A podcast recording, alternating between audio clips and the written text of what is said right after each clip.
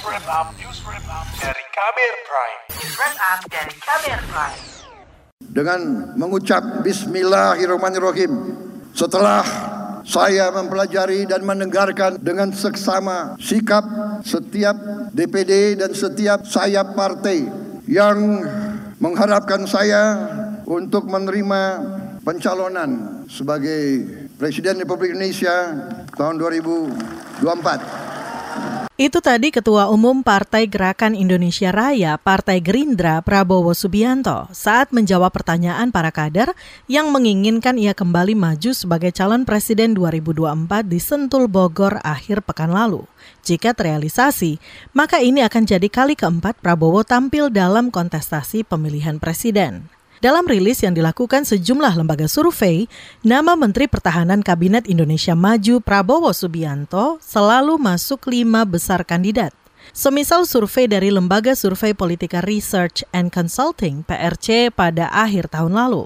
Dalam survei tersebut, Prabowo menduduki posisi kedua dengan raihan 22 persen lebih di bawah Ganjar Pranowo yang meraih elektabilitas sebesar 25 persen. Direktur Lembaga Survei PRC, Rio Prayogo. Nah, ketika kita simulasi dengan 15 nama, maka Ganjar Pranowo sudah mendahului peringkat dari Prabowo Subianto yang selama ini selalu ada di rentang margin of error. Ganjar harus diakui tidak hanya di dalam survei kami, di survei lembaga-lembaga lain juga menyatakan bahwa Ganjar paling dianggap layak oleh masyarakat untuk menjadi uh, dijadikan uh, calon presiden pasca Jokowi. Rio menambahkan, dalam survei yang sama, Menko Perekonomian Erlangga Hartarto menduduki posisi ke-13. Survei menggunakan metode multi-stage random sampling, yaitu dengan sebaran pemilih di 34 provinsi secara proporsional. Survei melibatkan sebanyak 1.600 orang responden dan merupakan penduduk berusia 17 tahun atau sudah menikah. Secara kinerja, dalam survei indikator politik pada April lalu menyebut Menteri Pertahanan Prabowo Subianto menduduki peringkat ketiga menteri dengan kinerja paling baik di pemerintahan Jokowi Ma'ruf Amin.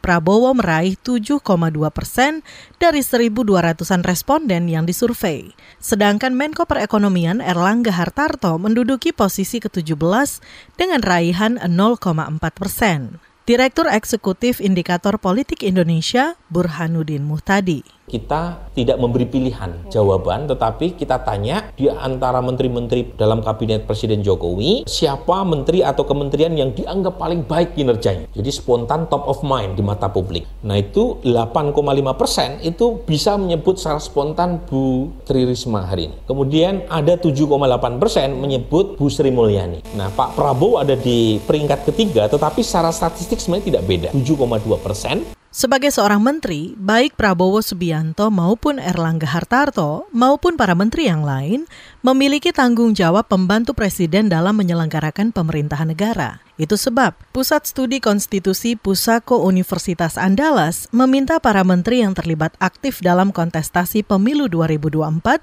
mundur dari jabatannya saat ini. Menteri yang dimaksud di antaranya Menteri Koordinator Bidang Perekonomian Erlangga Hartarto dan Menteri Pertahanan Prabowo Subianto. Ini disampaikan peneliti Pusako Charles Simabura saat diwawancara KBR via telepon dengan konteks yang sama pada Juni lalu.